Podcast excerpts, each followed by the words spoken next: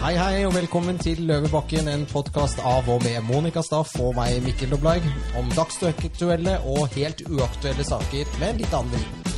Og vi gjør dette helt gratis, for vi tar verken lisens eller pressestøtte for å lage denne hyggelige timen for deg, så da vet du det. Lett, er du lettkrenket, ikke forstår humor, satire og eh, ironi, så ber vi deg om å skru av øyeblikkelig, for her har vi takhøyde, og vi prater åpent om alt og alle slik det passer oss selv. I dag så har vi fått besøk av nok en engasjert kvinne, som ikke er redd for å si ting som eh, det er. Hun kaller faktisk en spade en spade, og hun liker eh, kanskje å provosere. Nei da, det er ikke Sylvi Listhaug vi har med oss her i dag. Det er en enda tøffere kvinne. En som står på barrikadene for frihet og muligheten for minoriteter til å bestemme selv over egen kropp, og ikke minst sin egen skjebne. Hun har vært svært aktiv i Høyre, kommer opprinnelig fra Iran, men snakker med fløyelsmyk sørlandsdialekt. Hun er i dag leder for NGO-en LIM, altså likestilling, integrering og mangfold. Hun heter Dana Manosheri, og siste rykte er hun faktisk er Frankrikes presidents hemmelige elskerinne. Så Monica, mm, jeg ser du har tatt med en flaske 2004 Chateau Forcot Dupré i store tulipanglass. Hva i verden er det du tenker å ta med oss med på i dag? Jeg ble jo veldig inspirert av dette, Mikkel, at uh, da vår gjest uh, allegedly skal være elskerinnen til Macron. Macron. Frankrikes president. Ja. Mm. Macaroni eller Macron? Macron. Ja, Pigekyss. Pigekyss. han er jo litt søt, da. Ja, er han det? Ja, ja, han er jo liksom Jeg er litt sånn eh, men jeg syns han har kommet seg noe jævlig i det siste. Han Han har tatt litt grep og reist seg opp og liksom fått litt baller. Det liker jeg. Ja. Så franskmennene har jo en tradisjon for å gjøre revolusjon når eh, de føler seg sånn som de gule vestene som vi snakket om i en tidligere pod. Mm. Altså de, de finner seg i ting til en viss grad, og så smeller det, og da smeller det ordentlig. ja, da kjører du traktorer og spruter møkk utover bygninger og tømmer kålhodet på på, på, på, på, på motorveien. Oi, skål, ja! Du, jeg har faktisk En korona, se, for jeg tåler ikke, tåler ikke vind. Men uh, det er jo en grunn til at vi, vi, vi har Mikkel tåler ikke vind, han er en baby. Ja, Peppi. Men, eh, Men nei, ja, altså- det, som, det som da var egentlig også en liten Når eh, Dana har nemlig vært i Frankrike fordi at hun var en av fem kvinner som ble invitert eh, til å da bli eh, lage en reportasje om, og var på forsiden. Forsidepike? Forsidepike Oi, sammen med fem andre ganske tøffe damer. Eller fire andre. eh, Elskerinnen til. Macron. Eh, hun var på forsiden av ukemagasinet Le Figaro. Åh, Og er invitert. Ja, er invitert kult. som en av fem kvinner som da uh, står opp mot islamisme. Ja. Og uh, det betyr jo at hun har blitt lagt merke til langt utover Norges grenser. Det er faktisk Det er ikke veldig mange nordmenn jeg tror eh, har vært eh, forsidepike i Le Figaro. Det er eh, jeg, jeg vet ikke, nå leser ikke jeg det, men eh, vet, du leser jo sånne blader, gjør ikke det? Ja, det er jeg- et pornoblad. Er det Nei, det er bare. Nei, det, er, det er veldig seriøst er veldig opplegg, seriøst, selvfølgelig. det det. Vi bare tuller. Ja. Eh, så det vil vi veldig gjerne høre mer om. Men først har jeg et lite spørsmål til deg, eh, Dana, om noe helt annet. Eh, og det er Kom Petter Pus noen gang til rette? Ja. Gjorde han det? Ja. For dette lurte vi på. Dette har vi lurt Petter veldig mye på. Pus kom til rette oh. etter to og en halv måned. Nei, hvor han har vært? Han hadde vært på Nordstrand.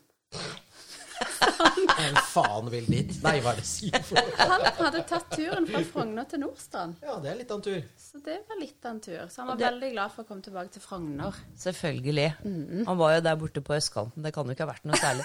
Ikke rart han gikk seg bort. Han, liksom kom, han, kom, han gikk sikkert på feil trikk. Ja. Tok 19 trikken istedenfor.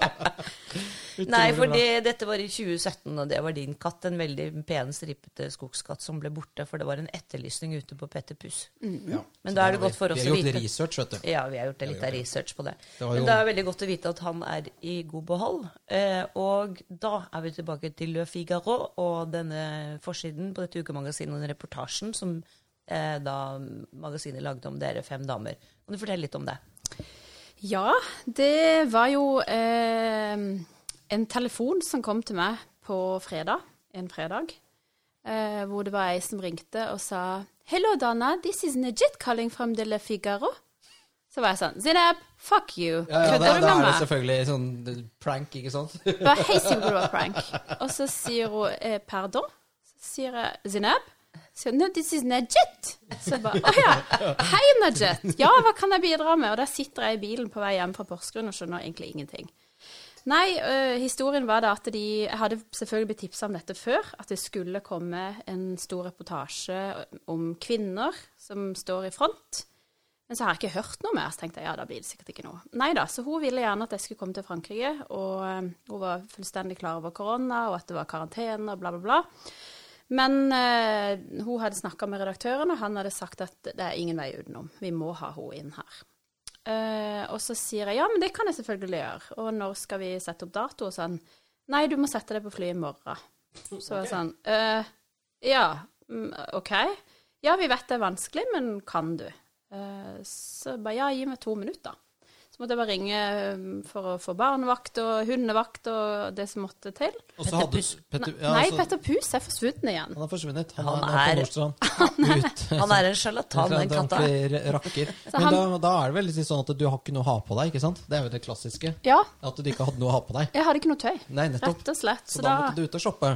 Nei da, jeg hadde faktisk eh, et par uker før det, så var det salg på Katrine Hammel. Så jeg hadde vært og kjøpt en veldig fin kjole. Og da sa de selvfølgelig nei, du skal få tøy av oss. Og sa jeg nei, jeg kommer ikke helt fra Norge og setter på meg noe fransk. Da jeg meg- hallo, liksom. Noe Chanel eller noe sånt Glem skit. det. Veldig bra. Veldig Så da ble det Katrine Hammel, så den kjolen er på meg. Den Veldig bra. Det, dette er veldig bra Norway. reklame. Veldig. Og så hadde du noen veldig flotte sko, så jeg. De, var de norske, eller de var Nei, kanskje de franske? var, nei, de var faktisk Det er veldig bra. Veldig bra. Nei, de er rett og slett eh, Gianvito Rossi. Ja, nettopp. Og det anbefaler jeg for alle, for de kan du, i hvert fall alle kvinner. De kan du spille fotball i. Ja. Mm. Elsker de. Ti centimeter. Jeg går på de hele dagen. Kjenner ikke et sekund at jeg har høye sko på meg. Så det anbefales. Kan løpes med. Absolutt. Mm. Bra. Eh, Går du, med, du går med bare sånn Christian Lobotomert Nei, jeg Eh, gjør ikke det, Mikkel. Du tar helt Overhodet ikke, Mikkel. Louis Vuitton? Gucci? Louis Vuitton har vonde sko. Hermes? Ikke Hermes, nei. Gant? Jimmy Choo, Manolo Blanik eh, Prada. Du gjør det? Gucci har en del eh, walkersko. Hadde i gamle dager. Hadde i gamle men Gucci-sko. nå skal vi jo boikotte franske produkter, så da kan Ja, vi det ikke komme det. det. Ja, det stemmer det. Mm. Det ser ja. Da er det bare å bruke geitemelk og andre ting i ansiktet. Mm. Ja. Ja. Mm. Ja, gå med sånne, sånne skinntøfler som du kjøper på sånne basarer nede i eh, Ja, sånn- Nord-Afrika. Med sånn, Med sånn krølltupp på. piss på. De har pisset på, vet du. Det kan jeg begynne med nå. Ja, ja. Veldig bra. Nei, men unnskyld, eh, tilbake til eh, Jeg er veldig Figaro. opptatt med å drikke, så snakk dere. Ja, jeg tar en øl, jeg. Nei, så da, da kan dere drikke litt, så kan jeg snakke. Uh, nei, så da satte jeg meg da på lang historie kort på flyet, uh, og trodde jo at jeg skulle til Paris, og det var jo veldig hyggelig. Uh, med unntak av at når jeg landa, så var jeg egentlig ikke i Paris. For da ble jeg møtt av politi.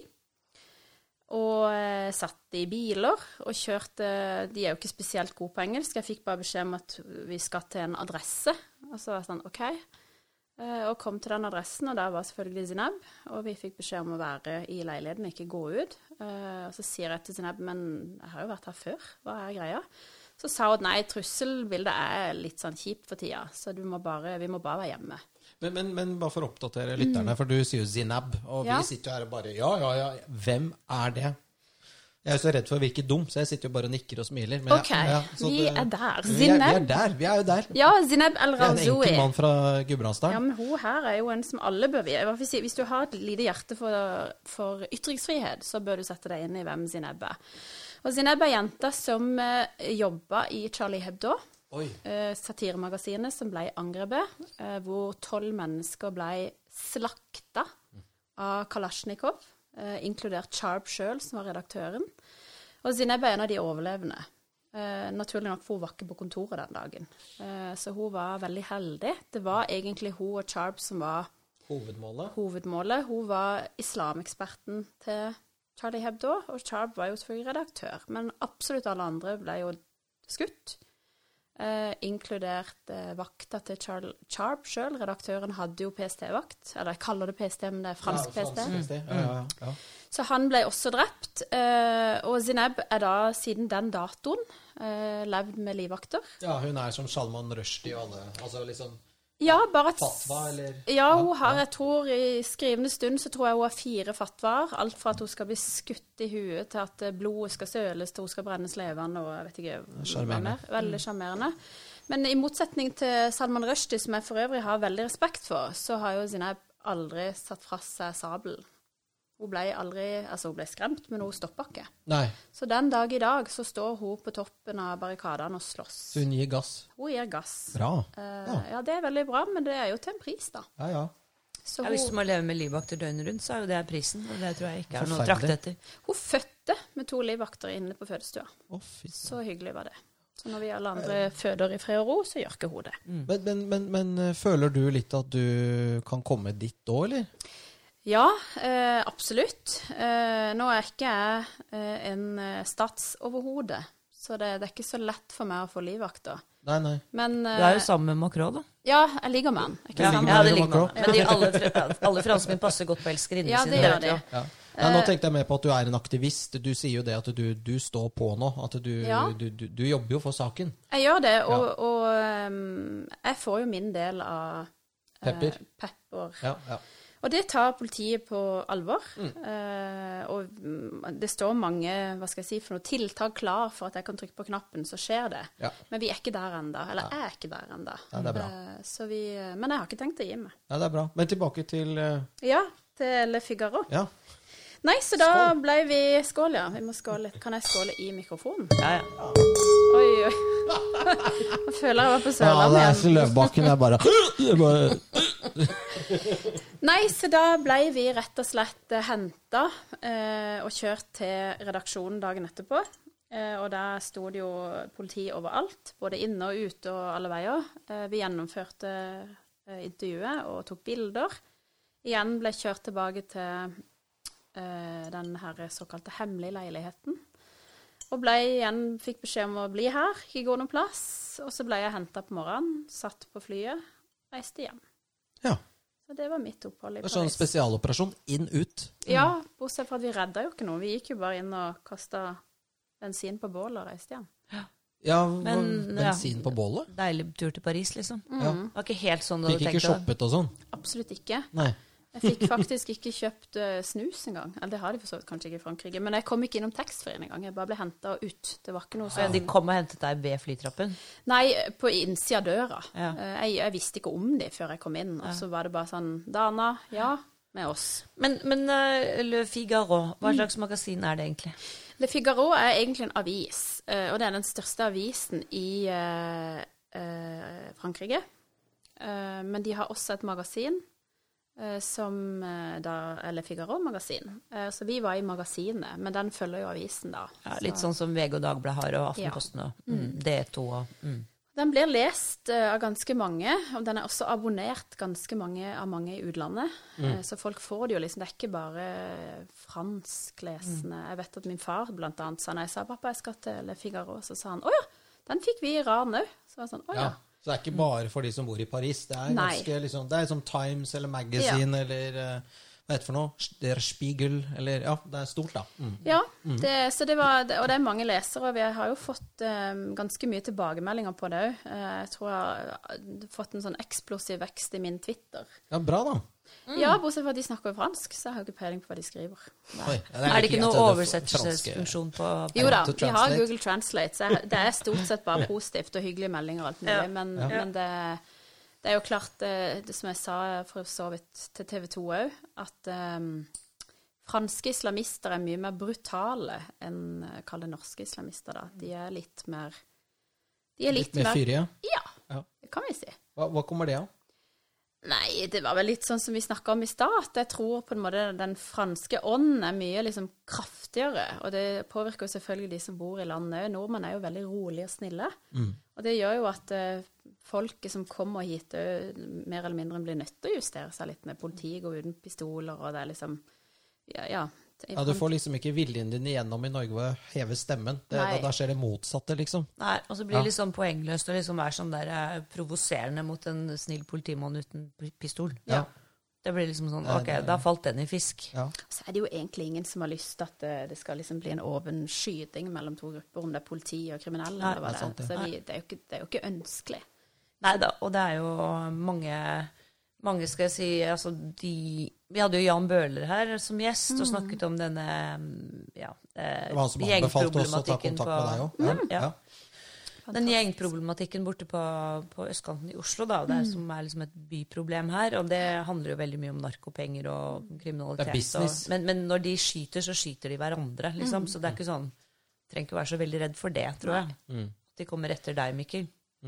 Ja, det skal du ikke si noe om. Nei. Nei. du kjøper Vet ikke hva jeg da. driver med på fritida. nei, nei, du er jo en kjent, forbruk, kjent du. narkis på Frogner. Men du, er, du kan vel betale gjelda di òg, så det går Ja, helt det er det, fint. da. Men i hvert fall, vi, her sånn vi er da eh, LIM, som Ja. du er generalsekretær for, er jo da en av mange organisasjoner som, som ikke sant? For det er ikke så lett for, for den som ikke liksom har satt seg litt inn i det, og skille på Født Fri, Minotank Minitenk. eh, Ja, Minitenk, som Mikkel kaller det. Eh, Antirasistisk Senter, LIM. ja. Det er veldig mange Fri, ja. ja. Født Fri som nevnte jeg faktisk. Ja, du gjorde det, Med. Shabana Rehman, Ja. som har hatt litt motvind her eh, i det siste. Mm. Eh, eh, nei, Så det er ikke så lett å, å, å for, Det er en jungel av dere. Ja, Det er- SSI, Sekulær integreringsinstitutt. Sekulær senter for For integrering. integrering. Hvor ligger okay. det senteret? Nei, det vet jeg ikke. Det er ikke godt å si. Ja, det er en intern humorsak. Det det- høres jo veldig flott ut, men det er jo bare sånn enkeltmannsforetak. Ja, det er som, det er som å si liksom Doblau Holding. Ja, eh, sant. GMTASBH. Ja. uh, Incorporated. billion dollar company. Uh, nei, men fortell oss uh, eh, Lim. Lim er den, eh, en av mange, men må også legges til den første eh, eh, sekulære organisasjonen i Norge. Den ble starta i utgangspunktet av en del sekulære stemmer, bl.a. Walid al-Kubassi, som vi er alle veldig glad i. Ja. Og de som ikke er det, de kan holde munn. Jeg er Eh, enig. Fred over Walids minne. Ja, skål for han. Ja, skål for Walid. Skål for Walid, han må vi ikke glemme. Og Walids eh, drøm var jo å samle sekulære stemmer og sette i gang en bølge i denne sekulære kampen, da. Eh, så da ble LIM starta eh, i 20... Altså I fjor hadde vi tiårsjubileum, så da kan vi regne oss tilbake. Og det ble jo selvfølgelig starta av den årsak av den første karikaturstriden som var. Ah, Så det er jo Eh, litt Jyllandsposten og ja, eller mm. Ja, Jyllandsposten. Um, og Vebjørn Selbekk og magasinet og de, Ja, de, tingene som skjedde. hele Ja. den første kan før Charlie Hebdo. Ja, ja, ja, ja. Eh, og så er det jo litt paradoks at jeg sitter i dag, ti år etter, og diskuterer Charlie Hebdo. Akkurat det samme igjen. Så det, vi har ikke kommet så langt, dere. Um, og det kan vi komme sikkert tilbake til. Men lim, ja, så det ble uh, Og det tror jeg på en måte de som starta, det var jo litt lei at hver gang det var et eller annet som hadde med minoriteter å gjøre, især muslimer, især folk fra Midtøsten, så kontakta de moskeen. Og spurte liksom den mest konservative eh, imamen Hei, du, hva syns du om dette? Og, og vi, eller vi, jeg var jo ikke med da, men de følte seg jo ikke veldig representert av denne her imamen, da. Så da sa de hei, vi må starte en organisasjon som kan snakke på vegne av de faktisk er flest, da. Ja. Det er ikke konservative muslimer eller konservative mennesker. Så da startet de LIM. I utgangspunktet først bare en sånn gutteromsklubb, men så kom vi på, inn på statsbudsjett eh, og har vært der siden. Bra.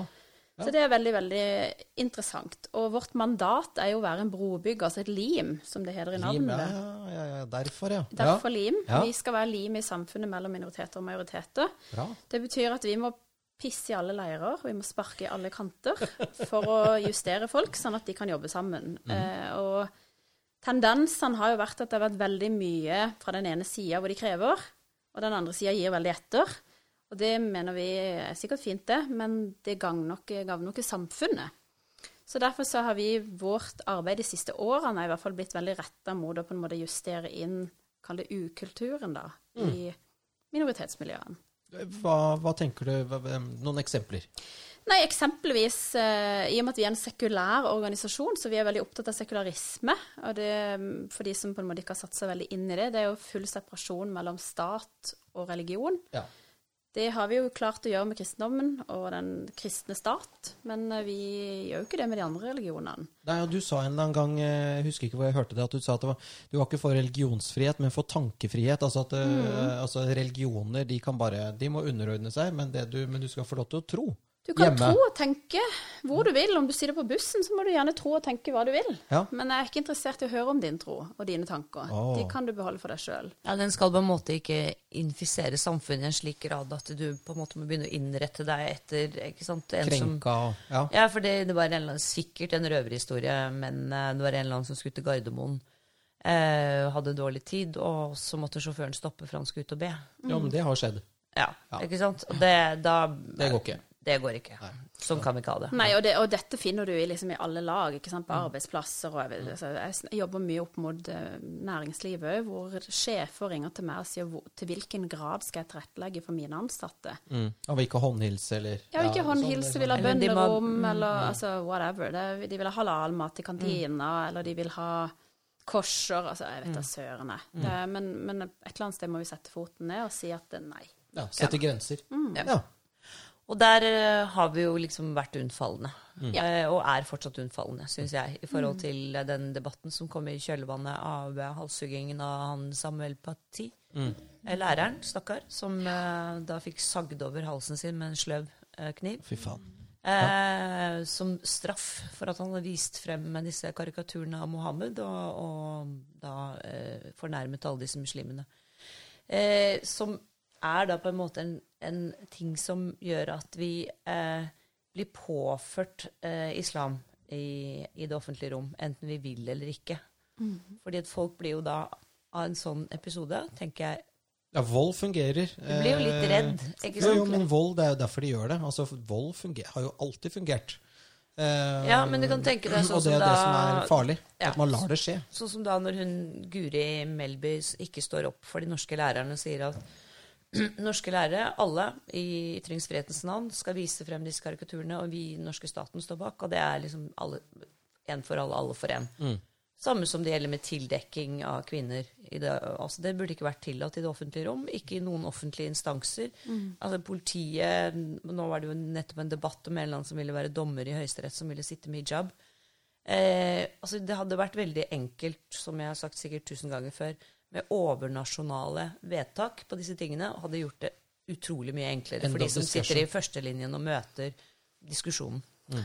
Jeg tenker i hvert fall at vi kan ikke kalle oss en sekulær stat hvis vi aksepterer dette. For da har vi jo gått vekk fra altså Dette er jo hovedprinsippet i sekularisme, er jo å skille stat og religion. Da kan vi ikke på en måte Høyesterett det er jo det høyeste organet vi har innenfor våre domstolssystemer. Skal vi da sitte religiøse mennesker? Og for å snu litt på det, og, det, og det er jo, der har jo vi vært glassklare i Lim, og det er jo å si at mulla Krekar skal bli dømt.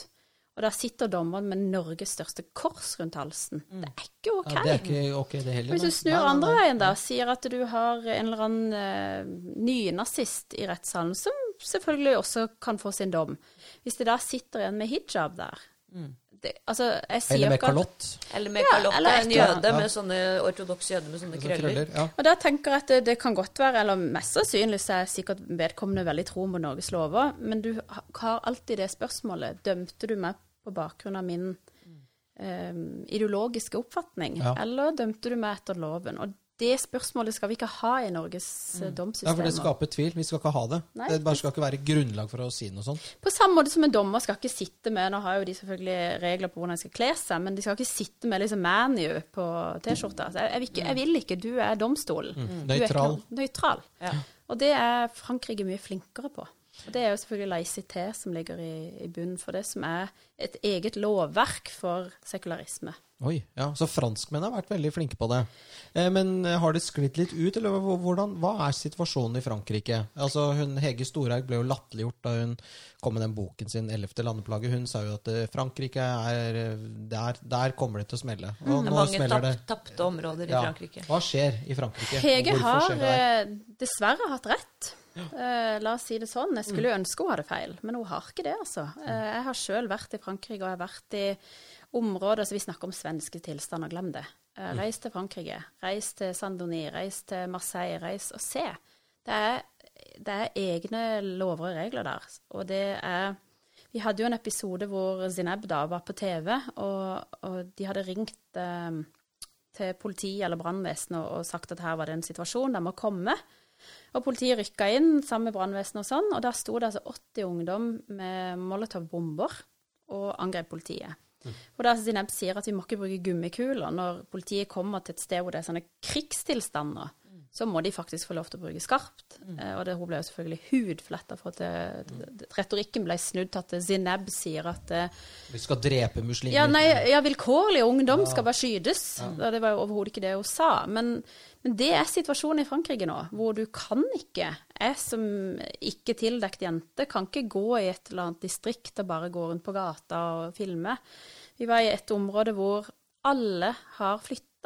Den eneste han hilste vi på, det var eneste butikken som er igjen som ikke er drevet av muslimer, er en slakter. Eh, og han sa at de kjøper ikke kjøtt av meg. Så nå, Ja, for det er ikke halal. Nei, altså, de boikotter han, fordi Ja, han er ikke muslim. De vil ha han ut. Så han så nå for seg at han måtte veldig tolerant.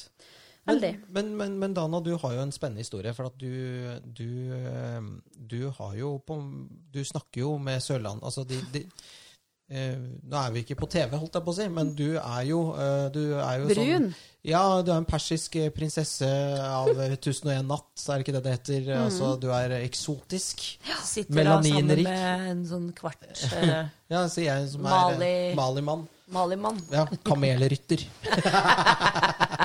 Det du. Ja, nei, men, men fortell din historie. Altså, det er jo ikke en selvfølge at du er her. Nei, min historie, hvis vi skal begynne helt tilbake fra Iran, da, så kommer jeg fra Iran. Eh, Jeg er født i Teheran, og mine foreldre flykta eh, etter revolusjonen, som var i 79. Eh, Islamismen som tok over Islamske mitt revolusjonen. Khomeini. Ja, eller det er så fint som det sto i mitt pass før jeg klagde og fikk bytta. Så da sto det 'Born in the Islamic Republic of Iran'. Huh, jeg får helt vondt bare å si det. Ja, ja. Men uh, nå står det bare Teheran, Iran. Takk. Uh, og vi flykta fordi at eh, begge, altså både min far og min farfar var i hæren under sjahen. Uh, og ting ble jo veldig stramma opp etter at sjahen ble forvist. Og situasjonen ble verre. Så ble jeg født. Og da skjønte vel mine foreldre ganske kjapt at eh, en ting, For jeg har en bror. eh, at han kan for så vidt ha et helt OK liv i Iran, men hun kommer aldri til å ha det fint her. Så jeg er jo liksom grunnen til at vi på en måte mer eller mindre flykta, da. Tenk deg så kult dine foreldre er liksom Det gjorde de for deg. De forlot Ja, Det er ingen som forlater sitt hjemland sånn som med lett hjerte, egentlig. Nei, og hvis du har lest kultur. bøkene til Lilly, og Ja. mm, liksom hvor vakkert det er i Iran, Ja, og det ja. Tusen og en natt. Hjemlandet ditt, liksom, det, det er ganske Det er kraftig å forlate det. Ja. altså det er en kjærlighetssorg som mine foreldre har hatt. Eh, Jeg har jo aldri vært i Iran. Jeg kan, eh, det så jeg var litt spekulert på nett, at ja, men hun reiser til Iran. Nei, folkens, jeg har aldri vært i Iran. Det er ikke aldri. du som er Bahareh Nei, absolutt ikke. Jeg ferierer ikke med verken Per Sandberg eller noen andre. Nei, men med med Macron. Med Macron, han hadde jeg tatt det til Teheran. Ingen problem. Det hadde sikkert kommet inn og vært godt greit. Ja. Altså. Skammeløs. Det hadde vært veldig. Nei, han kunne jeg godt feriert med. Han er veldig god. Så, um, nei da, så vi flykta da og kom til Norge, og fikk eh, egentlig ikke opphold. Fordi iranere var jo ikke ansett som ordentlige flyktninger på den tida, da. Men eh, med litt arbeid fra Anette Thommessen og disse her som jobba hardt for at iranere skulle bli sett på som reelle flyktninger. Så på politistasjonen i Drammen, tror jeg det var, så fikk vi en faks. Den gang var det en faks eh, på at eh, ja, dere skal egentlig hjem, men nå har kong Olav sjøl sagt vær så god, der kan bli. Ja, det var rett og slett eh, kongen i statsråd, det der. Det var kongen i Ja, det var strengt i gamle dager. jeg har sett min far og min mor veldig triste to ganger. Eh, Det ene var eh, når min farfar døde, eller selvfølgelig familiemedlemmer.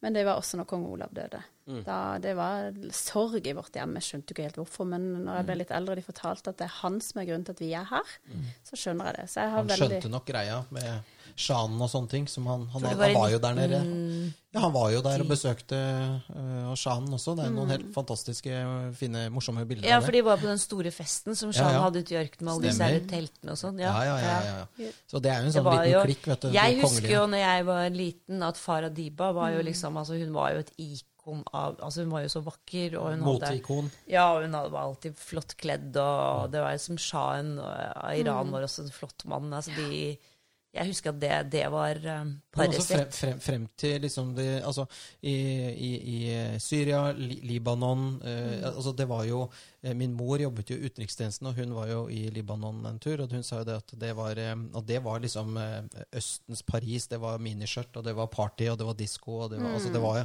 skikkelig eh, liberalt. da, Og så plutselig bare bom! Over Ja, natten så var alle Shahen var vel på, for alle praktiske formål egentlig en diktator, ikke sant? Han hadde jo all han hadde jo sine svin på skogen. Ja, han hadde Men- jo all makt, men da var i hvert fall Iran et eh, mye friere samfunn. Ja, og Shan, det er klart, nå må vi huske at vi er tilbake liksom på 70-tallet. Mm. Eh, Sammenlignet med konger i dag, så hadde han veldig mye makt, det er det ikke noe tvil om. Men det er klart, eh, hvis du tenker i forhold til den tida, eh, og, og hvordan Iran var på den tida òg, så er det klart, det er jo det beste som har skjedd i Iran. Men så var han veldig Ja. forut for sitt folk. Han var, ut, han var utdanna i utlandet, han har vært i Sveits, i Paris. Han har sett verden utenfor Iran, og så kommer han tilbake og vil gjerne liksom fremme dette for sitt folk. Men så undervurderte han på en måte den religiøse delen av sitt eget land, som besto av basarer og, og de som på en måte ayatollahen appellerte til. da.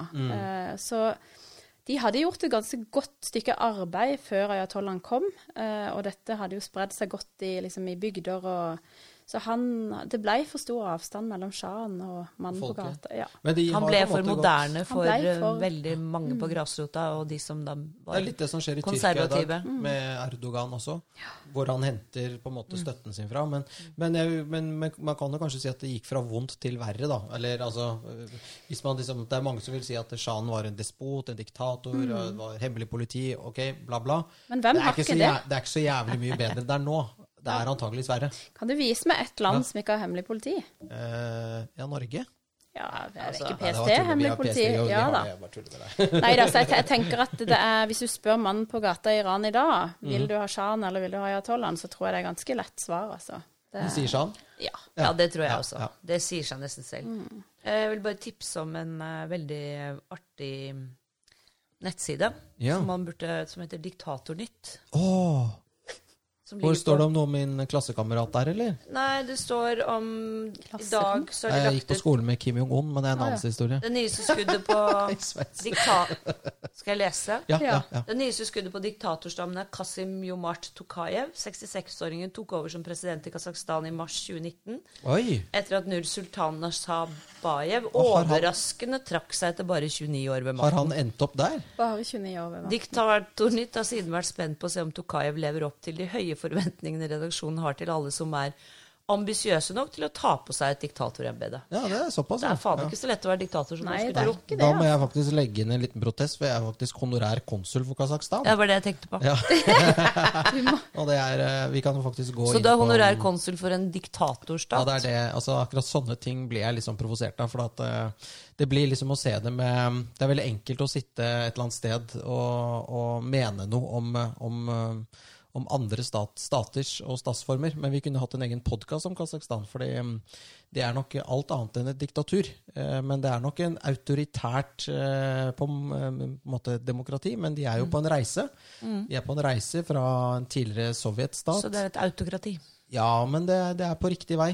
Så Ja. det, det, det, det går i. Men nå skulle vi snakke om eh, Vet du hva, Det hadde vært kult å ha hatt eh, ambassadøren her faktisk og snakket om Kasakhstan. Ja, det kan vi gjøre. Det kan vi Det er gjøre. også et muslimsk land, er det ikke det? Det er det. Men, eh, Eller overveiende muslimsk. ja, 70 Ja. men, men ikke på Men der Nei. er det fest og vodka Det er ikke Tsjetsjenia. Nei, det er ikke sånn. Det er ganske, ganske laidback. Eh, Dra til Kasakhstan. dra nice. til Kasakhstan. Borat. Ja, Borat. Kamerar. Ja. Men eh, vi må jo innom det som har skjedd i Frankrike, både, ikke bare én, eh, men også to ganger. Og så Wien. Ja. What the hell is going on? Nei, det er jo resultatet av islamisme. La oss bare kalle det det det er. Ja, men er ikke dette bare ensomme ulver? Eh, det har ingenting med islam å gjøre. Det er veldig, veldig Det er convenient å kalle det eh, ensomme ulver. Så plutselig begynner du å etterforske, så arresterer de både tre og fire og fem, og plutselig så er det IS-sympatisører. Men det er ikke nok fritidsklubber, ikke sant? Plutselig tok det. IS ansvaret for det også, faktisk. Ja. Men, Eller er det eh, men, mangel på fritidsklubber? men jeg tenker, eh, hvis du kan eh, gå tilbake til eh, profetens Umma her i Norge, og Batti og disse gutta som opererte der, det var jo Mm. Ja. egentlig kriminelle som dekket seg bak religion og brukte det som et slags skalkeskjul for virksomheten sin. Mm. Jeg vil tro at noe av det vi ser som skjer eh, i Allahs navn, er akkurat det. At det er kriminelle. Ja, altså jeg tenker at det er kriminell eller ikke. Jeg tenker at eh, man tar et aktivt valg når man velger å gå inn i en eller annen form for terrororganisasjon, om det er IS eller Al Shabaab eller kall det hva du vil. Eh, så jeg, jeg, jeg på en måte Ja, det har med islam å gjøre. Vi kan ikke, vi kan ikke komme utenom det. det. Det er islam de henter, eller Koranen de henter på en måte forankringa si fra. Men jeg kan òg finne Donald og slå opp den, og så står det at vi hiver folk utfor bygninger og kjører de ned med bil og sånn. Men du kan liksom på en måte ikke bare utelukkende skylde på Donald. Eh, så vi, vi må på en måte klare å kritisere religionen uten å på en måte angripe en hel verden av folk. Men eh, islamisme eh, Vi kan godt kalle de at de er kriminelle på forhånd eller ikke. Det, vi har sikkert begge to. Vi har både folk som har vært helt oppegående, folk som har vært i fungerende jobber og alt mulig. Bang, så blir de islamister. Eh, så jeg, jeg er ikke så opptatt av bakgrunnen. Det jeg er opptatt av, er hvordan tillater du deg sjøl å utøve vold eller drap eller et eller annet mot andre mennesker i religionens navn. Mm. For det er det de gjør. Ja.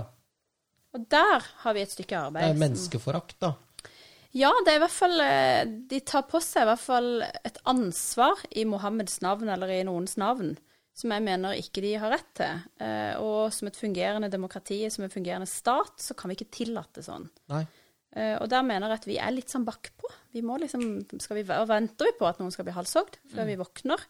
Og det er det jeg etterlyser nå i alle plattformer jeg stiller opp på, er vi må ha denne planen klar Ja. før dette skjer. For det er litt sånn, vi i Norge tenker jo litt sånn Nei, ja, men det skjer jo ikke. Men her, tvert om, vi har jo, Erna har jo laget en plan altså, som for, mot islamhat i Norge, som er eh, Muslimhat. Muslimhat, var det. Ja, ja. Unnskyld. Ja, eller ja. Der har du meg. ja, der er du deg. Jo, men det er jo, ikke sant Upresis som vanlig. Helt på jordet, som Ja. vanlig. Og det er, kan du si, trenger vi en egen eh, handlingsplan for å verne en gruppe, kanskje. Jeg er ikke så opptatt av det. Men jeg er mye mer opptatt av at vi skal ha en egen handlingsplan som verner min rett til å kritisere islam. Eller andre Ah, Ja, men den mangler jo faktisk. Den mangler. Ja. Den er veldig mangelfull, i hvert Hvor, fall. hvorfor vil ingen ta tak i det? Nei, for de gjemmer seg vel bak at vi har ytringsfrihet, så her kan du si hva du vil. Ja. Men så kan du egentlig ikke det, da, for du har jo ikke rettssikkerhet. Nei, for, du, Nei. Da, nei, for da kommer noen og skjærer av deg huet eller truer deg. Eller, Og så sier de jo, men eller trenger du er du rasist. Eller Må du liksom si Må du provosere? Ja. Men er du, har du fått det slengt etter deg? At du er eh, rasist? Ja, daglig. Du har det? Ja Daglig, ja. da. Daglig rasist. Ja, er jo eh, ja. Velkommen i Du klubben. skjønner Velkommen i rasistklubben. Ja, jeg er ikke bare elskerinna til Macron, jeg er også en rasist. Ja. Herlig. Det er ganske For en kombi. Ja. Men er det ikke litt sånn at når venstresiden, eller eh, vi skal ikke bare si venstresiden, når de som anklager deg for å være det, da har de jo ganske dårlig hånd på kortet, for det er liksom det siste Kort på hånden. Nå, nå rører du. Nå øl, øl, og så er jeg begynner helt du ute å røre. kjøre. Han er jo Dårlig innvandrer. kort Han på er jo, hånda. du er jo innvandrer. Tåler du ikke det her? Eller du, du er jo egentlig vært Very heldig og nice, take one more. Nei, men, nei, men altså, da har du dårlig kort på hånden, da. Hånd på korten. hånd på kortet. Du har i hvert fall noe dårlig nå. Si hvor du har hånden. På kortet. Ja, jeg Jeg tenker jeg at det blir Det er veldig mye østrogen her. Ja. Ja. Du merker det nå. ja. Og vi, er jo, vi har så mye av det òg. Ja, det er farlig. Jeg blir spist her med blikkene. Ja. Det er farlig, farlig. Ja, det er farlig for deg. Begge er Og da, og da når vi skal snakke om noe som er veldig farlig, å være alene mann med to kvinner, Ja. Mikkel, eh, så må vi snakke om dette med jomfruhinnesjekk. Ja. Ja. Tenkte jeg vi bare skulle ta en liten tur innom. ja, be my guest. Det skal Fordi jeg har jo, ikke sant, i tillegg til tildekking, altså det, det med Uventet. Det med min, i hvert fall, kan du si, engasjement for eh, Eller egentlig mot islam, handler egentlig om kvinners kår i den religionen som er eh, og Som Jamal også snakket om, hans mor, ikke sant, som var ufri. Og dette at du må ta en jomfruhinnesjekk eh, fordi du skal være da jomfru når du gifter deg. Da er jo det en interessant sak at eh, dette var i 1981. 29. juli 1981 giftet prinsesse Diana seg med Charles. Og hun ble jo faktisk jomfruinnesjekket av en eh, British doctor, Ja, physician. Ja, physician, Yes, som, kom, royal physician. som kom ut på trappen og sa at uh, She's hun a er- virgin. She's a virgin. Everything is okay. She For can marry the the crown prince. Men det er jo altså, Men altså, så, så, så det mitt poeng er at den eh, Church of England ikke sant, det er jo, var jo relativt konservativ, men dette er da 40 år siden. Eh, sånn at de Det har vært en Altså, jeg, ingen ville spurt Kate om en jomfruhinnesjekk når hun skulle gifte seg med William. Sånn at vi har gått gjennom en utvikling der, og Church of England ikke minst. Men jeg tenker at eh, islam har blitt så innmari hengende etter. De har liksom ikke klart å reformere seg på disse 1400 årene. Og det er jo der slaget står også, tenker jeg. At å, å på en måte få bort alle disse her eh, Mørkemennene. Ja, men altså særlig den kvinneundertrykkingen som eh, ikke hører hjemme noe sted. Ja, eh, det er jo ikke noe reell likestilling i islam. Eh, det er Som alle andre religioner så er det jo alltid en sånn maktubalanse. Men som du sier, så har vi hatt litt om Gamle testamentet, så fikk vi Nye testamentet, og så har vi på en måte reformert. Islam har jo ikke gjort det. Det er klart Tolkninga er nok blitt reformert mange plasser. Eh, Så jeg tror kårene er mye bedre nå enn det var kanskje for flere hundre år siden. Men vi er jo langt ifra mål. Det er jo, altså, glem det. Eh, Og dette her er jo det fysiske. ikke sant? Du skal sjekke i jomfruhinne, kvinner må dekke seg til, og så, så snakker du alt dette her eh, greiene her. Men også sånn ren sånn økonomisk, hvis vi skal ta det, da. At en på en måte f.eks. arva skal deles. Altså vi trenger ikke så langt bak. Min eh, farmor er død, og arv skal fordeles. Eh, Nå har jo pappa de selvfølgelig stoppa den fordelinga, men, men arva skal jo Det er jo to deler til mannen. Og én del til Så min tante får bare én del, mens pappa får to. Men nå har de brutt med den tradisjonen og deler det likt. Men, men det er klart, sånn er det enda. Ja, og en kvinnes ord teller, ikke sant? Halvparten Halvparten av en manns. Ja, ja. Ja, ja. Og skilsmisse kan hun ikke få når hun vil. Og, og der er vi tilbake igjen for å sette det i norsk kontekst. Og det har vi kjempa mye for òg. At vi ønsker at det, du må gjerne gifte deg religiøst hvis det er noe du vil. Men det må på en måte registreres i noen norske systemer. Sånn at den dagen Fatima ønsker å skille seg fra Mohammed, så kan hun gjøre det uavhengig av at en imam skal godkjenne det, men hun kan gå til fylkesmannen og si vet du hva, nå vil jeg ut av dette. Og så kan hun få det. Vi har jo Rania, har jo, jeg vet ikke om dere kjenner til Rania, men hun har vært ute med sin historie hvor hun måtte faktisk til England for å få skilsmissen sin godkjent. Fordi Oi. at eh, mannen da ikke ville akseptere dette. Så det er klart, der, der henger vi etter, og det tror jeg nok mange muslimske jenter er enig i, at de er um, Ja, de, de får ikke de samme rettighetene da, og det kan vi ikke ha i Norge. Når vi kjemper for likestilling og like rettigheter og Det burde jo være en selvfølge, og så er det jo en utrolig sånn eh, paradoks i dette at det er venstresiden som heier mest på dette her. ja, Det er jo helt vilt. Altså de som burde være for ja, altså frihet, likhet, alt dette her som da, og ikke minst feministene, som er da, og kvinnegruppa Ottar. Jo, men de møter seg jo sjøl i døra. For det er poenget er det, på den ene sida er dette type kamper som de burde ha tatt. Men så, så klarer de ikke helt den prioriteringa. Skal vi ta den, eller skal vi møte den der antirasistiske debatten? Så de, de blir litt sånn OK, vi bare driter i alt, da. Mm. Så jeg tenker make up your mind. Hva er viktigst? Eh, Og dette her er ikke, har ingenting med rasisme å gjøre. Det handler om at vi skal gi mennesker like rettigheter.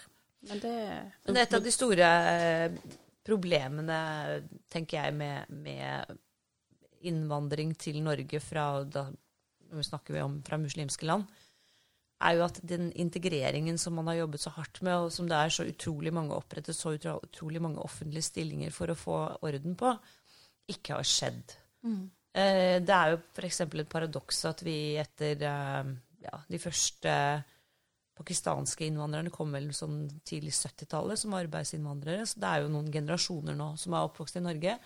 Og det er jo et paradoks at vi ikke ser noen av dem eh, på landslaget i skiskyting, langrenn, hopp, eh, skøyter eh, I det hele tatt idrett som er liksom på en måte Ikke engang definert på som bingoen. Er du masse på bingoen? Nei, bare tull med. Bingo, liksom. nei, nei, bare- Hva kom ja, det fra? Så sporet da. Nei, jeg Det er siste gang Nei. du får øl på poden. men det er et poeng, men hva, hva, hva, hva skyldes det? Hva skyldes det, liksom? Nei, det skyldes vel at vi har eh, tillatt parallelle samfunn i Norge. Um, jeg tror ikke på en måte at de er i hvert fall ikke, og Svaret er i hvert fall ikke at de er blitt ekskludert, for det har de ikke. Eh, Det høres jo sånn ut på debatten i dag, da. At, Ja, det at er, det- at de har kommet til verdens skyld, liksom. jævligste sted, da. ja, og da tenk, Strukturell rasisme.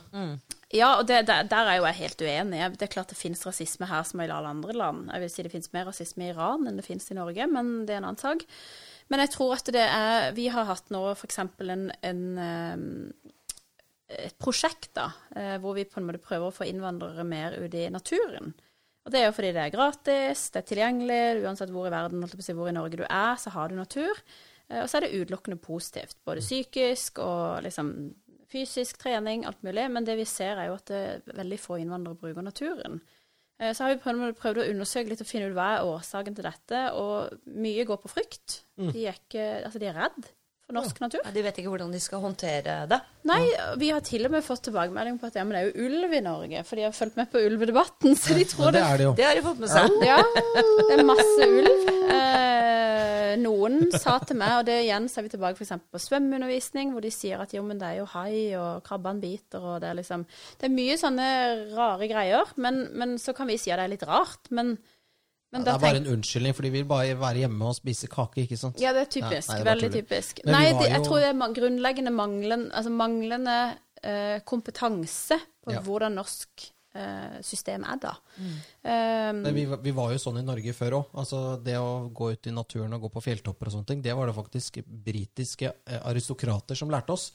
For at nordmenn var ikke opptatt av å gå på fjelltopper og holde Dette på sånn. passet der- veldig dårlig inn i det narrativet vi prøver å lage her nå. Ja, nei, men, jeg Nei, men- men- til men vet du hva, faktisk? Men, vi var jo ute, det var ikke det. Men Ja. eh, nordmenn var liksom ikke hvorfor, hvorfor skal vi opp på den fjelltoppen? Nei, for jeg tenker at vi, vi, Ja. vi jobbet jo Ja. vi jobbet, altså vi, Norge var jo et fjelland. Det viktigste næringsvegene var jordbruk og fiske, sto det i min samfunnslærebok. Når ja, de hadde jeg, ikke tid til å gå på Galdhøpiggen. Nei, men de var mye ute, de var jo mye i naturen, så de Ja, ja. håndterte jo naturen på et vis. Og jeg tror jo mange, ski, mange, mange som kommer fra Pakistan og. Afghanistan, kommer fra landsbygda, så de kan også De kan håndtere naturen Ja, på den Ja. måten der. Det er vel interesser, da. Men, men det å, å bruke mm, Altså det å dyrke det norske friluftslivet, da, som jo er en uh, Nansens ånd. ja. Men jeg tenker det handler for Selvfølgelig så har du liksom dette med aktiviteter og alt mulig, det er det ene. Men, men det er en, en annen ting som vi er mer opptatt av, det er jo um, på en måte for å forstå Og det går på integrering, da. For å forstå nordmenn, så må du forstå hvorfor halve Frogner eller halve en eller annen by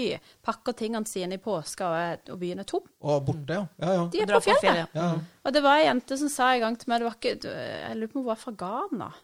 Ja, hun var i hvert fall fra et eller annet sted. Og hun sa det var først når jeg skjønte hvorfor nordmenn går på fjellet uten mål og mening, det var da jeg følte meg integrert. Hun deltok aldri, men hun forsto det. At vi gjorde det, ja. ja. Jeg igjen, jeg hadde Zineb var her i, i jula i fjor, og da var vi på Havfjell. Eh, og vi eh, gikk Jeg spurte henne skal vi gå en tur. Eh, eller let's go for a walk. Så sier hun yes, let's do it, but where are we going? Så sa jeg nei, vi skal bare på tur. Yes, but where is the destination?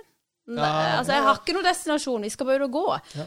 Are we going to the cafe? Nei, vi skal bare altså, Og hun er liksom fra Frankrike, så det er ikke Eller hun er marokkaner. Jo, men det er det samme som vi spør danske venner hva gjør dere i helgen. Da er vi på kafé. Altså, da er de i København, sitter på kafé. Ja, ja, de sitter De på spiser- Dan Turell og Spiser og drikker koser seg. De går ikke på tur. Det er bare Nei. vi i Norge som går rundt. Ja, de sykler en del i Danmark, altså. Ja, søgla. Mm. jeg går? Du sykler cool. Nå må du være stille, din kartoffel. Nei, men i Norge så har vi den eh, Det er jo litt Det er jo annerledes at vi faktisk stryker til fjells og bare løper rundt i lyng og mose og koser oss. Men det må vi det forklare. deilig. Det er Ja. veldig deilig. Om det er normalt eller ikke, det skal ikke jeg legge meg opp i. Men, men det som er i hvert fall helt sikkert, er at det er en del av norsk kultur.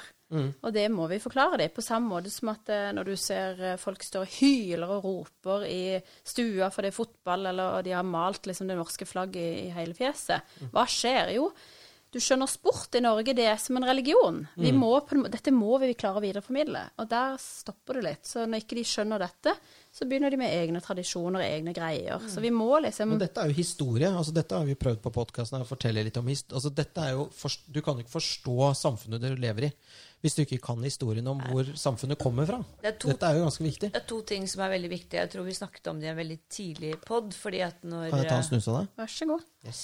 Her er går det altså så sånn at sånn, du tror ikke det er mulig.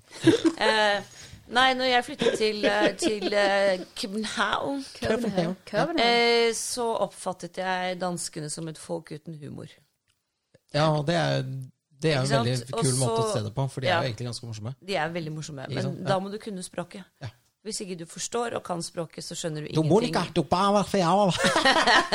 Selvfølgelig skjønner du ikke en dritt, de bare mumler. Ja. Jo, men vi oppfatter dere, eller vi innvandrere når vi kom til Norge, vi oppfatter dere som følelsesløse. Det var iskalde. iskalde. Det er Monica først- er jo prakteksempelet til det. Ja.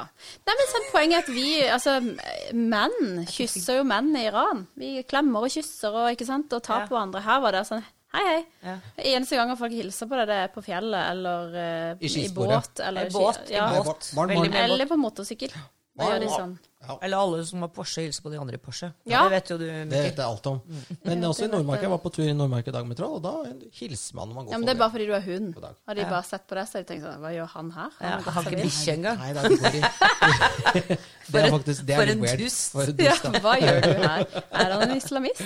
Ja, pedo. Få Pedo-islamist. Jeg har begynt å få sånn derre og Jeg sparer til sånn knyttnevelangt skjegg nå. Ja, Nei, det det må du ikke. Koselig. skal jeg gå underground. Men, men nå, er vi jo, nå er det bare. Nå skulle vi være sånn alvorlig. Ja, vi har likestilling, integrering og Men mangfold. jeg tenker jo at det er riktig det du sier her om at vi fremstår som Altså, korona er jo noe som veldig mange nordmenn syns er deilig, for da slipper de den der klemmingen. Skal man være hjemme og ha stearinlys og sånn? Ja, altså Jeg kjenner jo menn som syns det er meget ubehagelig å klemme andre menn, men nå er det liksom blitt sånn kutyme at det gjør det. Og jeg ser jo generasjonen til altså mine barn. Der klemmer jo gutta hverandre helt naturlig. Ikke sant? Så da er det på en måte greit. For da, da er det naturlig for dem. Vi har blitt litt kontinentale. Altså, Dere er jo blitt påvirka, om dere vil eller ei, av fremmede kulturer. Mm. Eh, det som er viktig, er jo på en måte Vi må aldri komme så langt, og det er kanskje Nå blir jeg sikkert kalt rasist igjen, så jeg får bare ta det. Men eh, jeg er jo ikke for et flerkulturelt samfunn. Jeg vil ikke ha det.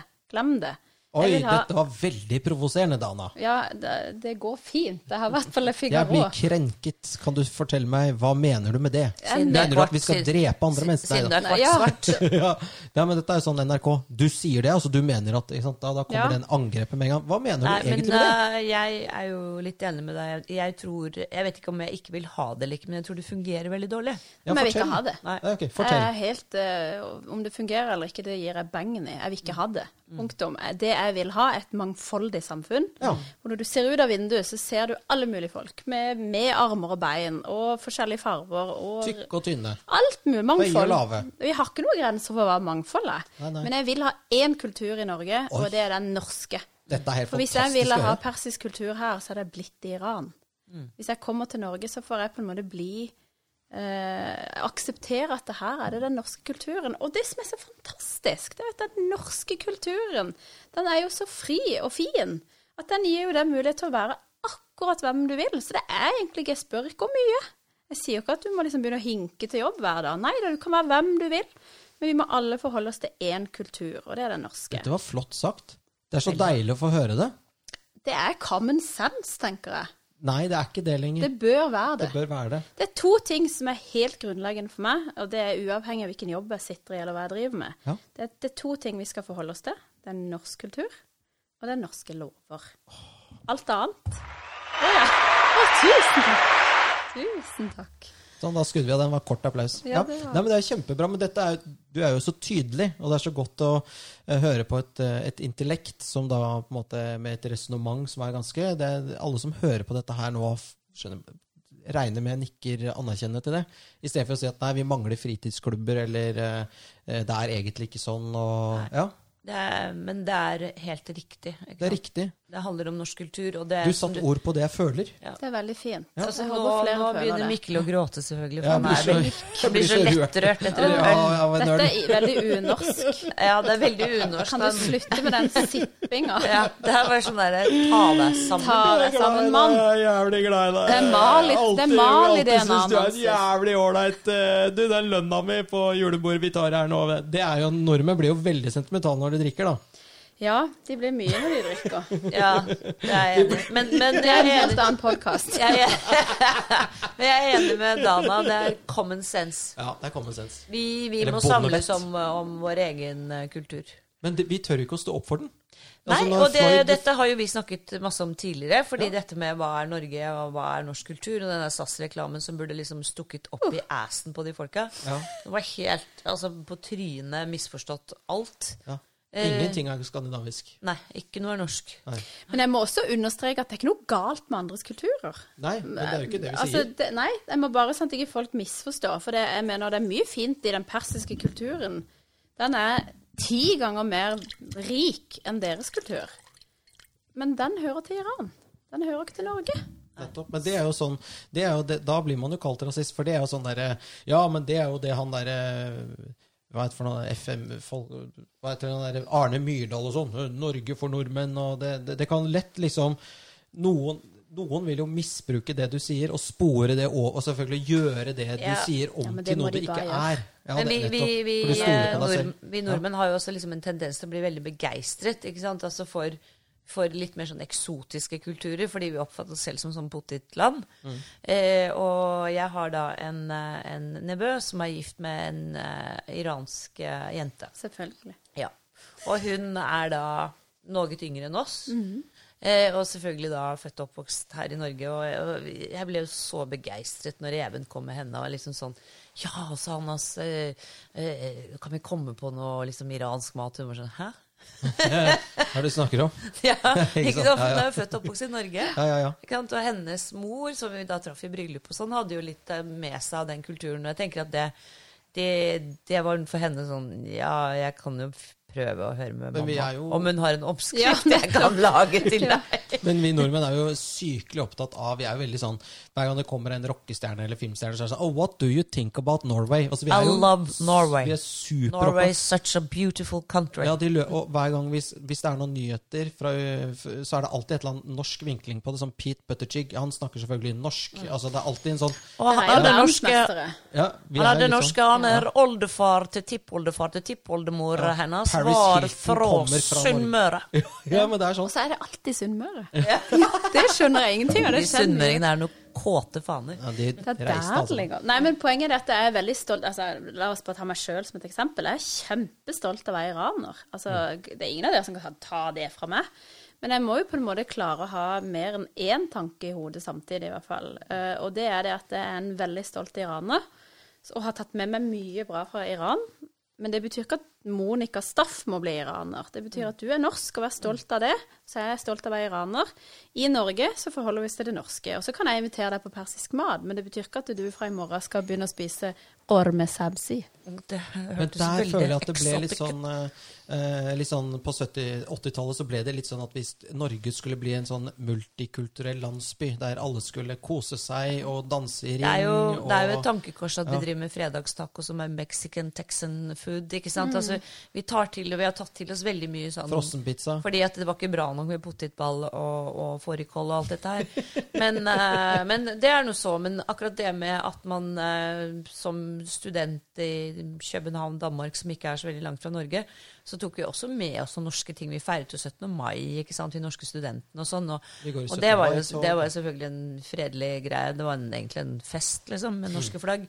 Sånn at jeg tenker at de som kommer hit, som er fra whichever country de kommer fra, at de tar med seg noen av sine skikker og ikke minst mattradisjoner, som jo er viktig i alle land, så er jo det helt naturlig å gjøre. Selvfølgelig. Og deres kultur, eller vår kultur, det er jo også min kultur, er jo ikke, den er jo ikke statisk. Den endrer seg jo med årene av forskjellige årsaker. Men jeg synes det jeg syns er veldig sjarmerende, det er jo f.eks. å reise til USA, da, og så se at de har liksom egne norske butikker. Ja, ja. Det er først da du forstår liksom nordmenn er ganske opptatt av å være norske, men akkurat som her hjemme så er vi litt sånn ja, vi bare kaster Så kaster drar litt til. Nord-Dakota, så er det lutefisk, og de snakker jo Ja, de er jo opptatt av det. Jeg skulle ønske ja, ja. vi så litt mer av den der stolte norske kulturen, da, som på en måte dere har gitt litt. Ja, for det, det var det jeg leste et sted, at eh, når George Floyd eh, blir drept eh, av tre politimenn i USA, så er det altså opptøyer, og det er Altså, det ble jo opptøyer i Oslo, og det ble jo Eller det var Ikke opptøyer, Nei, ikke det, ble, det ble demo. Nei, nei, det var Sian. Sorry, nå blandet jeg. Skjerp deg. Nei, men det ble stor demonstrasjon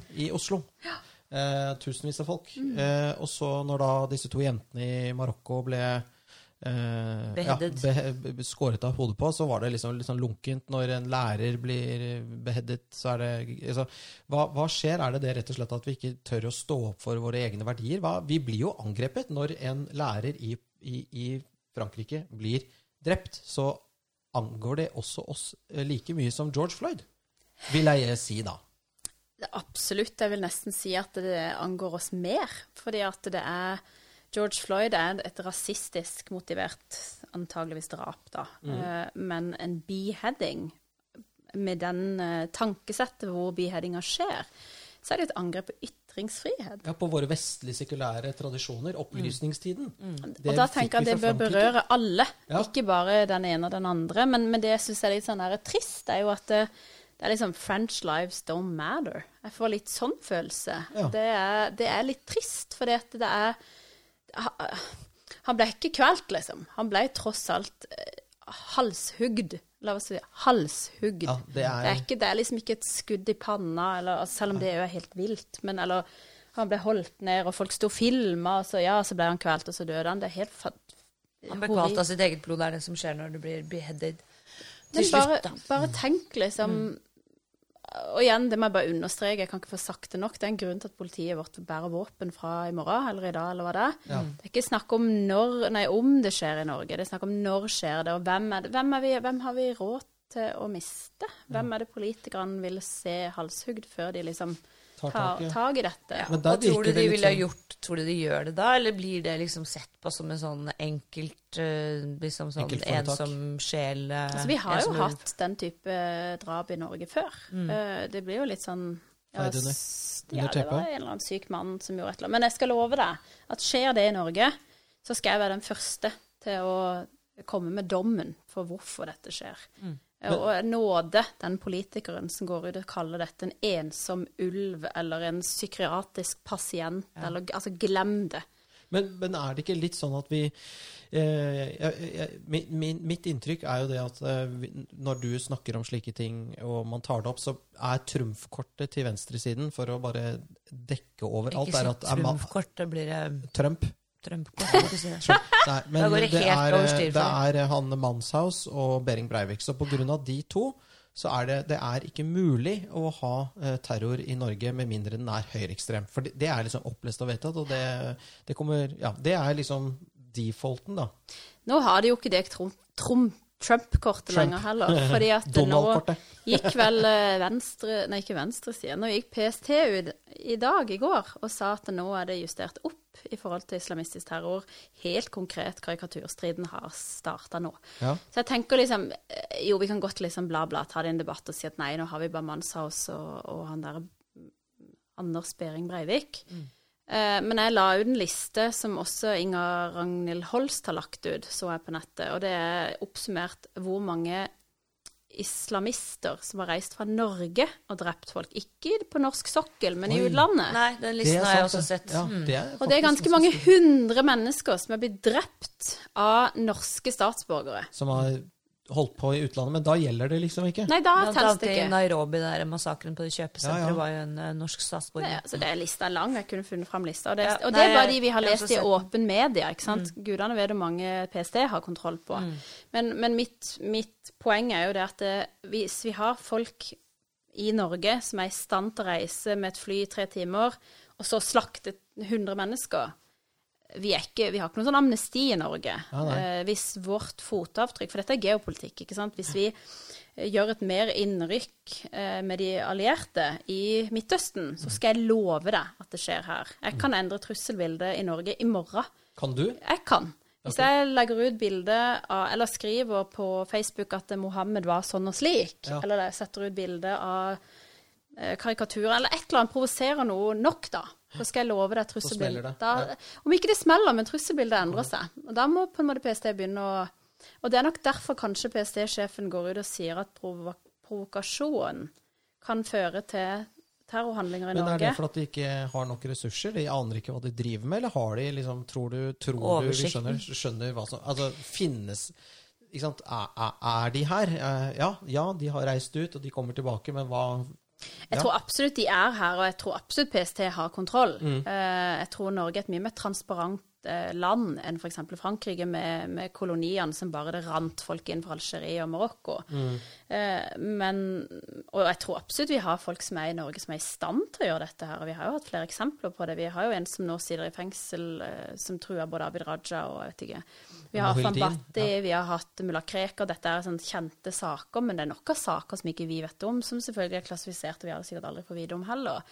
Men, men eh, ta en liten titt til Sverige, da, eller til Tyskland. Det er grenselandene våre, og de har det. Ja. Så at vi sitter her i lilleputtland og ikke tror at de er kommet hit, da tar vi feil. Ja. Det er eh, Er det om en fin eh, avslutning? Det er det. Det er det. Ja. Du får jo sove, du har drukket en hel øl, Ja, så du er jo helt pæredrita.